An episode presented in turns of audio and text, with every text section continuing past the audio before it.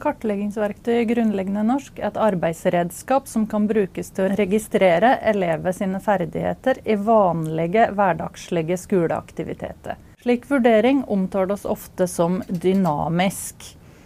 Her skal jeg si litt om hva dynamisk vurdering er, og hvordan det kan brukes. Dynamisk vurdering er ei fri vurderingsform. En ser vurdering som en prosess der eleven i samarbeid med lærer eller med andre viser hva han eller hun kan på et gitt fagområde med ulik grad av støtte. Dette betyr ifølge Fugt å gjøre testinga mer interaktiv, bruke en friere dialog og prøve ut hva individet klarer på egen hånd eller med ulik grad av hjelp og støtte. Innenfor dynamisk vurdering prøver en å finne ut hva eleven kan, samtidig som man kan hjelpe eleven å modellere ulike løsninger og videreutvikle de ferdighetene som eleven eventuelt mangler. Slik sett kan en si at dynamisk vurdering er både kartlegging og opplæring i en og samme prosess. Læreren sin støtte i vurderingssituasjonen er slik en viktig del av vurderingen. Dynamisk vurdering er basert på Vygotsky sin teori om den nederste utviklingssona. Dette innebærer at vi i tillegg til å finne ut hva eleven kan selvstendig, altså opptatt av hva han eller hun kan mestre med støtte fra andre. Dynamisk vurdering er altså forankra i et sosiokulturelt læringssyn. Grunntanken bak dette synet er at læring ikke foregår i et vakuum der eleven er alene om læringa, men at det skjer i et fellesskap der samhandling og støtte fra andre leder til at eleven utvikler ferdighetene sine. Stillasbygging er et begrep som ofte brukes om lærere sin praksis når de legger til rette for at elever lærer noe nytt, og støtter dem i læringsprosessen. Tanken bak stillasbyggingsmetaforen er bl.a. at en skal skape et mestringsrom for elevene ved at de får tilpassa input på sitt nivå. I kartleggingsverktøyet er stillasbygging knytta til støtte, og om eleven mestrer noe med eller uten støtte. Støtte kan være det meste som vi har i den pedagogiske verktøykassa vår. F.eks. minimal respons som nikk eller smil som signaliserer eh, at eleven er forstått. Det kan være modellering og eksempler, dramatisering, forklaring og visuell støtte, gjentagelse og langsomt taletempo. I skriftlig sammenheng kan det òg være retteprogram, ordbøk, skriverammer som er eksempel på slik støtte.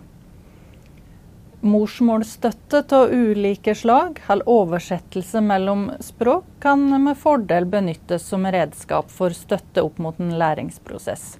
Eh, når vi prater om at dynamisk vurdering skal ta utgangspunkt i det som er kjent eh, for elever, så vil tidligere tilegna språk, morsmål eller andre språk eh, som eleven kan, være et typisk eksempel på, på kjent kunnskap. I veiledninga finner dere et punkt om støtte knytta til kort område, der det forklares hva støtte kan være. Det kan likevel være at du som lærer har andre måter å støtte eleven på enn det som beskrives i veiledningen. For å bevege seg inn i eleven sin eregeste utviklingssone tar kartleggingsverktøyet utgangspunkt i en progresjon der å starte med det kjente og bevege oss mot nye læringsmål. F.eks. går en fra det konkrete til det abstrakte, fra kjent til ukjent, fra gjennomgått til nytt, fra enkelt til komplekst osv. Hvis du ser på området lesing på femte trinn, skal vi f.eks. vurdere om eleven får med seg innholdet i korte setninger om kjente temaer på nivå N. Altså fokus på kjent og kort. Dynamisk vurdering innebærer at den eller de som gjennomfører kartlegginga, bør kjenne eleven så godt at de vet hva som er kjent eller gjennomgått fra før. Innenfor området lesing blir progresjon i leseforståelse knytta til f.eks.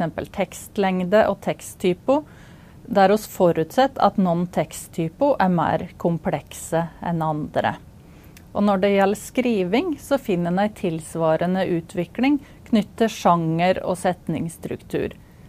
Det stilles ganske store krav til skjønn fra den som kartlegger, for å vurdere progresjon knytta til ulike læringsaktiviteter. I kartleggingsverktøyet har han hatt som et mål å fokusere mest mulig på observerbare størrelser, altså ting som eleven faktisk gjør, mer enn hva han eller hun potensielt kan. Det brukes derfor utsagn som 'eleven bruker spørreintonasjon ved spørsmål', i stedet for 'eleven kan bruke spørreintonasjon ved spørsmålet. Fordi at det å kunne noe ikke nødvendigvis er det samme som å faktisk bruke det. Samtidig vil det støtt være en viss språklig variasjon hos en elev. En opplever ofte at eleven bruker et trekk en dag, men ikke en annen dag. Eller at eleven f.eks. behersker et trekk i skriftlig språkbruk, men ikke i muntlig. Det vil derfor støtt være et spørsmål om skjønn når hun skal krysse tå for om en elev behersker et ferdighetsutsagn. Kartleggingsverktøy i grunnleggende norsk stiller store krav til profesjonelt skjønn. Derfor anbefales det å gjennomføre kartlegginga i fellesskap der flere lærere deltar. Mange av ferdighetsutsagnene, kanskje særlig på nivå 3, når eleven nærmer seg et aldersadekvat nivå, tematiserer komplekse områder knyttet til tekstproduksjon eller leseforståelse som kan være vanskelige å operasjonalisere. F.eks. heter det på ferdighetsnivå 3, lesing 5.-7. trinn, at eleven leser aldersadekvate tekster med funksjonell flyt og forståelse. Her må en som lærer da ta stilling til hva aldersadekvate tekster er, og hva det vil si å lese med forståelse. I slike sammenhenger er det hensiktsmessig å jobbe i team. Dersom eleven er i de eldre aldersgruppene, kan det òg være aktuelt å trekke inn eleven sjøl i metasamtaler om egne språkferdigheter. Kartleggingsverktøy grunnleggende norsk er ment å være ei hjelp for å tilpasse undervisninga. Et kjent uttrykk fra testteorien, som òg er aktuelt i vår sammenheng, det er washback-effekter. Dette kan enkelt forklares som de konsekvensene ei prøve eller ei kartlegging har for undervisningen. Dette diskuteres ofte i forbindelse med f.eks. For nasjonale prøver, og det hevdes at noen skoler bruker mye tid på å øve før prøven. Da er det snakk om en negativ washback-effekt. På den andre sida er det naturlig at det skal være en sammenheng mellom vurdering og undervisning. Når dere som lærere bruker kartleggingsverktøyet som et arbeidsredskap for å overvåke læringa til elevene og identifisere læringsbehov, kan dette beskrives som en positiv washback-effekt. Og Kartleggingsverktøyet grunnleggende norsk er ment nettopp å ha en slik positiv washback-effekt.